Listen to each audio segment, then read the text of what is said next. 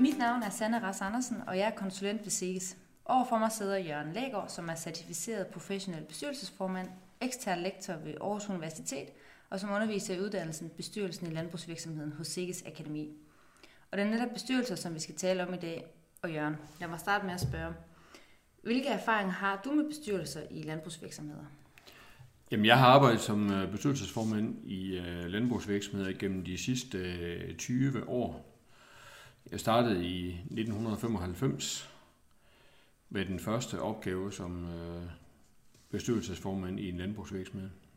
Har du en baggrund inden for landbruget? Nej, jeg har ikke en baggrund inden for landbruget, fordi jeg er uddannet som kan mærke, og jeg har så fået min erhvervserfaring i industrivirksomheder og så har jeg sidenhen øh, taget mig en uddannelse som certificeret øh, bestyrelsesformand, og den bruger jeg nu bredt i øh, forskellige typer af virksomheder. Og det kan dels være de primære landbrug, men det kan også være fødevarevirksomheder. Jeg har for eksempel altid løst opgaver omkring øh, grovvarevirksomheder, og jeg har også altid løst opgaver omkring øh, teknologi til landbruget. Hvad er egentlig forskellen på en bestyrelse, et gårdråd og så et advisory board? Ja, det er jo den store forskel, at øh, bestyrelsesopgaven, der har du det ledelsesmæssige ansvar. Og det vil sige, der indtræder du som den øverste ledelse i virksomheden. Og det vil sige, der har du et ledelsesmæssigt ansvar for det, der foregår i virksomheden. Hvis du derimod vælger et advisory board, så har du et øh, rådgiverjob, så er du tilknyttet som rådgiver. Og det vil sige, at du indgår en aftale med landmanden eller en anden type virksomhed om, at du er rådgiver på udvalgte områder. Det betyder, at du indgår en aftale, hvor du kun har et rådgiveransvar, men du har ikke ansvaret for virksomhedens øh, samlede situation. Og det gør, at du ikke er underlagt øh, de vilkår, der nu for eksempel er i selskabsloven. Så derfor er det en, en mildere grad og dermed et øh, rådgiverjob inden for et øh, bestemt område. Og hvad er det så, et gårdråd går ud på? Et gårdråd det er jo en øh, uformel øh, organisation, hvor du laver en øh, bestyrelseslignende funktion, men, men hvor du i stedet for har det helt øh, uformelt og undlader de mere formelle ting og er helt uden ansvar for, for det, der foregår. Rådgiver et gårdråd også? Gårdrådet er jo også øh, et rådgivende organ, Øh, Øh, det viser sig med de undersøgelser, vi har, at det, som landmænd og andre ledere har brug for, det er sparring fra andre mennesker. Og derfor er det jo det samme behov, nemlig sparring omkring virksomhedens strategi, omkring øh, det at sætte et godt hold, øh, det er omkring at lave en stærk økonomi. Det er det samme behov, der bliver dækket. Det bliver bare dækket på forskellige måder, hvor advisory board og gårdrådet, det er ren rådgivning. Hvorimod en bestyrelse, er både rådgivning, men også det, at du træder ind som øh, virksomhedens øverste ledelse. Hvornår er det relevant for landmænd at etablere en bestyrelse? Ja, det er det jo i, øh, i fire faser. Altså, vi øh, tænker jo tit på øh, et landbrugs udvikling over, over fire faser. Det kan jo godt være en, en yngre landmænd, som er under etablering, eller som er, er nystartet. Og der oplever vi jo, at der er et meget stærkt behov for en bestyrelse. Fordi det er i virkeligheden her, at landmændene skal have sig organiseret. Det er en god anledning til at lave en øh, bestyrelse for at få øh, styr på de grundlæggende ting i det at være, være leder af en virksomhed. Derefter kommer der heldigvis en, øh, en udvikling og en vækstfase. Og det er jo her, at bestyrelsen har sin store styrke ved at kunne gå ind og, og lave en strategi for den udvikling, der nu skal ske, eller den vækst, der nu skal gennemføres sådan at øh, den retning, øh, der skal være for virksomheden, at den bliver valgt, og der opnås noget sparring på det. Så kommer der en tredje fase, hvor, øh, hvor der typisk sker en stagnation. Øh, og der er der lidt mere øh, træden vande øh, omkring tingene, fordi der kan mange ejerledere jo være kendetegnet ved, at nu har de købt deres nye BMW, og så er de sådan set godt tilfredse med det, og nu er der ikke grund til, til mere udvikling. Det er en lidt mere vanskelig situation for, øh, for en bestyrelse, fordi der er ambitionerne gået ud af landmændens øh, tankegang. Og når der så har været stagnation i en periode, så kommer der heldigvis en periode igen, hvor der er brug for, jamen skal vi nu øh, gennemføre en øh, yderligere udvikling og vækst, eller er tiden kommet til, at vi, øh, vi afvikler? Og dermed øh, øh, er, er der jo igen en, en ny strategisk situation, hvor der er brug for sparring fra bestyrelsen. hvis der bliver tale om, om afvikling, jamen så er bestyrelsens øh, sidste opgave, det er jo at få gennemført øh, den afvikling. Og ellers så starter vi jo på en, en ny øh, strategisk runde, kan vi sige. Og er det de her øh, fire faser, eller, de, eller er der andre områder, hvor en øh, bestyrelse styrker ejerlederens virksomhed? Ja, fordi der vil jo derudover opstå nogle, nogle særlige situationer, hvor, hvor virksomheden kommer ind i nogle øh, afgørende beslutninger. Og der er det jo vigtigt at have et øh, hold omkring sig, som kender øh, landmanden og landbruget, øh, sådan at der bliver taget de rigtige beslutninger. Og det er noget, der hele tiden vil, vil kunne opstå. Øh, det kan for eksempel være den situation, hvor landmanden har brug for finansiering, hvad der kan opstå i en periode. Så er der brug for en, en klar øh, finansiel strategi. Og derudover kan det også ske det, at, at der opstår nogle muligheder for vækst af den ene eller den anden art. Det kan være i det geografiske område, eller det kan være nogle nye øh, driftgrene, som kommer i spil. Og der er der nogle overvejelser, hvor, hvor det har stor strategisk betydning, det har også stor økonomisk betydning. Hvor det kan være rigtig godt at have en gruppe omkring sig, som kender dig og som kender din virksomhed. Hvilke opgaver varetager en bestyrelse typisk i en virksomhed? Ja, vi deler jo opgaverne i to, i to grupper. Det ene er, er fremtidssikring. Det er der, hvor vi har til opgave at sikre, at virksomheden er der stadigvæk fremover. Og det vil sige, der er vi jo øh, virksomhedens øh, antenner udad til, for at finde ud af, hvad foregår der i grunden omkring øh, det primære landbrug eller en fødevarevirksomhed, for at finde ud af, hvordan påvirker det i grunden den pågældende virksomhed. Og det andet er, at vi så etablerer en strategi i forhold til det. Så det er fremtidssikringen som jo er rigtig, rigtig afgørende. Men derudover, når vi er rigtig bestyrelse og ikke kun er advisory board eller gårdråd, så har vi opgaven i også at sørge for, at vi har en sund økonomi, og vi har opgaven i at sørge for, at vi har en stærk organisation. Så det vil sige, at vi har også tilbageudrettet, og det vil sige, at vi skal sikre os, at der er en tilstrækkelig styring, der gør, at vi hele tiden har styr på, på virksomheden sammen med landmanden. Og derudover skal vi sørge for, at, at den ledelse og det hold, der er, det er stærkt nok. Og det er selvfølgelig noget af det, der trigger, når vi er i en bestyrelse, og det er, at vi har jo opgaven og ansvaret for at ansætte øh, lederne i virksomheden. Ikke? Og det er jo ikke sikkert, at landmanden selv er den bedste egnede til det.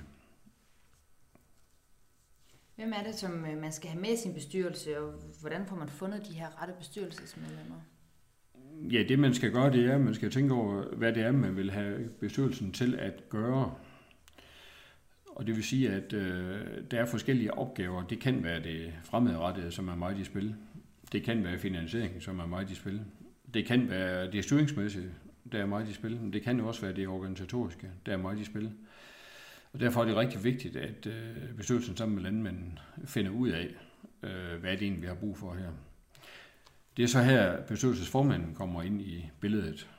Fordi det er så bestyrelsens øh, formand, der skal sikre den dialog med landmanden der gør, at vi nu får sammensat den rigtige bestyrelse i forhold til den situation, der er omkring det primære landbrug.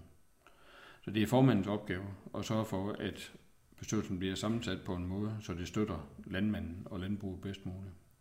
Starter man som landmand som at udpege en formand, og formand hjælper som at finde de øvrige medlemmer, eller hvordan fungerer ja, det sådan? det vil være min anbefaling, at, at landmanden han starter med øh, at finde ud af, hvem skal i grunden være bestyrelsesformanden. Ja. Fordi så er det vigtigt, at de to i fællesskab får fundet ud af, hvordan sammensætter vi det bedst mulige hold. Og det er det jo på den måde, at landmanden han har typisk en tro på, at det er ham selv, der skal være bestyrelsesformand. Men det er jo ikke det, han skal være. Han skal jo være direktøren i det her spil. Og det vil sige, at han er jo den daglige leder, der skal sørge for at spille op til bestyrelsen. Og dermed informere bestyrelsen om, øh, hvordan går det i grunden i landbruget, men hvad har vi også af udfordringer fremad. Og derfor er der den opgave øh, først at erkende, at, at landmanden han er faktisk ikke selv den bedste egnede til at være bestyrelsesformand. Og det er faktisk heller ikke nogen god idé, at hans kone er det. Så derfor er den første opgave jo at erkende, at, at der er brug for en bestyrelsesformand, der kan løse det her bestyrelsesarbejde. Og den her bestyrelsesformand, finder man den i sin vennekreds, eller er man blandt kollegaer, eller skal man helt ud af branchen? Altså, der er nogle ting, der er strengt forbudt der er to ting, der er strengt forbudt. Det er at finde bestyrelsesformanden i familien, og det andet, der er strengt forbudt, det er at finde ham blandt vennerne. Altså den største erhvervsskade, vi har blandt bestyrelsesformand, det er skulderskader. Fordi alt for meget rygklapperi, det giver skulderskader. Har du nogle gode råd til at få en ny bestyrelse godt i gang, og, og, og hvordan man egentlig opretholder et godt samarbejde med bestyrelsen? Altså, det vigtigste er at få øh, fundet ud af, hvad er i grunden det, vi har brug for. Altså, hvad er det i grunden, der er brug for? Altså, hvad er det den form for sparring, der er brug for? Fordi hvis der ikke er brug for sparring, så er det en dum idé at ansætte en bestyrelse. Men hvis vi ved, hvad det er for en, en slags sparring, der er brug for, jamen så er vi også på sporet af, øh, hvad er det for en type bestyrelse, vi skal have lavet. Og så er min anbefaling at starte med at tilknytte en bestyrelsesformand. Sammen med landmænd finder de to så ud af, hvordan sammensætter vi bestyrelsen i, i første trin. Og så er den første opgave at finde ud af, hvad er i grunden situationen. Min anbefaling er, at vi gør det ved et værktøj, der hedder tovsanalysen, som gør det muligt at finde ud af, øh, hvad er det i grunden for et behov, vi har for sparring i den her situation. Og øh, for mig er det vigtigt, at det er noget, som bestyrelsen starter med at gøre på det første møde. Så der er faktisk øh, lagt op til en tovsanalyse i min bestyrelse på det første møde. Jeg vender lige tilbage til bestyrelsesformanden, fordi vi talte om lige før, at det skulle ikke være familie, at det skulle ikke være venner, men, men hvor var det så, man skulle finde bestyrelsesformanden? Jamen, man kan jo øh, sagtens finde en øh, i branchen. Altså, der findes jo efterhånden en række øh, dygtige landmænd, som er uddannet til at træde ind i øh, bestyrelser. Og det er jo i virkeligheden det fine formål med SIGGES øh, bestyrelsesuddannelsen, det er at kvalificere nogle dygtige landmænd til at træde ind i andre landmænds bestyrelser. Så derfor er der jo et korps i dag, som er øh, trænet i, øh, i de her ting. Øh, den lidt mere ambitiøse kan gå, kan gå uden for branchen, fordi der findes jo også øh, mennesker uden for landbrugsbranchen, som øh, kan bidrage. Og det vil sige, hvis man ikke vil have den, den rent faglige vinkel på det, men at man vil have en, der, der arbejder med, med bestyrelsesformandskabet som, som professionel bestyrelsesformand, jamen så træder man jo andre steder hen. Og, og der findes jo masser af foreninger, der, der har organiseret den slags mennesker. Hvor ofte så vil man typisk mødes i bestyrelsen? Jamen, typisk vil vi jo øh, mødes øh, som udgangspunkt fem gange. Og det vil sige, at vi vil have øh, det her grundige strategiarbejde til at starte på, og så vil vi det første år så mødes fire gange bagefter. Så mødes vi de fem gange. Men derudover er det jo allervigtigst, det er, at bestyrelsen er der, når der er brug for den. Og det vil sige, at hvis man træder ind i en bestyrelse, så skal man være klar over, at hvis der er brug for at gøre noget, hvad enten det er den vækst, vi snakker om, eller det er finansiering, eller det er et spørgsmål om at organisere, så gælder det om at være der. Er der noget særligt juridisk, som man skal være opmærksom på? Altså, når du tiltræder i en bestyrelse, skal du være opmærksom på, at du er underlagt uh, selskabslovens bestemmelser. Og det vil sige, at, at du har et personligt ansvar for de øh, beslutninger, du er med til at træffe, og specielt også de øh, beslutninger, som du ikke får træffet ud fra de uh, informationer, du nu har. Og derfor har du et personligt ansvar ved at, ved at træde ind, når det er den rigtige bestyrelsesudgave. Hvis du træder ind i et advisory board, så skal du være opmærksom på, at, at du har et rådgiveransvar. Altså at du også kan blive øh, gjort ansvarlig for den rådgivning, du har præsteret. Kan man forestille sig, at ejerlederen kan have en udfordring med at give ansvaret fra sig? Til sin bestyrelse? Det, det er jo den helt typiske øh, udfordring, det er. Og det er, at, at øh, tankegangen er typisk for en ejerleder, hvad enten det er en landmand eller en anden ejerleder, det er, at han forestiller sig selv, at han både er direktør og bestyrelsesformand. Fordi det er jo hans virksomhed. Og det er jo en naturlig ting, at når han har startet en virksomhed, og han har bygget den op, så forestiller han jo, at han er i øh, fuldstændig kontrol ved at både være direktør og være bestyrelsesformand. Og det nye det her for ham, det er, at han ikke er bestyrelsesformand, men at han er direktør. Og derfor øh, nu får en, øh, en sparringspartner, som faktisk ifølge selskabsloven er hans leder. Og derfor skal han jo så være klar til at modtage sparring fra, fra den pågældende leder. Hvis jeg nu sidder som landmand og lytter med på podcasten her, hvad, hvad skal jeg så gøre, hvis jeg godt kunne tænke mig at være bestyrelsesmedlem i en bestyrelse? Jamen, så skal du gå ind på øh, Sikkes hjemmesiden, og så skal du øh, klikke ind på øh, bestyrelsesuddannelsen. Og øh, den starter jo her i øh, februar igen, og det er et øh, koncentreret forløb, hvor vi har øh, fire moduler, der klæder dig på til, at du kan leve op til det, der egentlig kræves af en moderne bestyrelse. Jamen lad det være det sidste ord i øh, denne omgang, og så tak fordi du vil øh, være med. I er velkommen.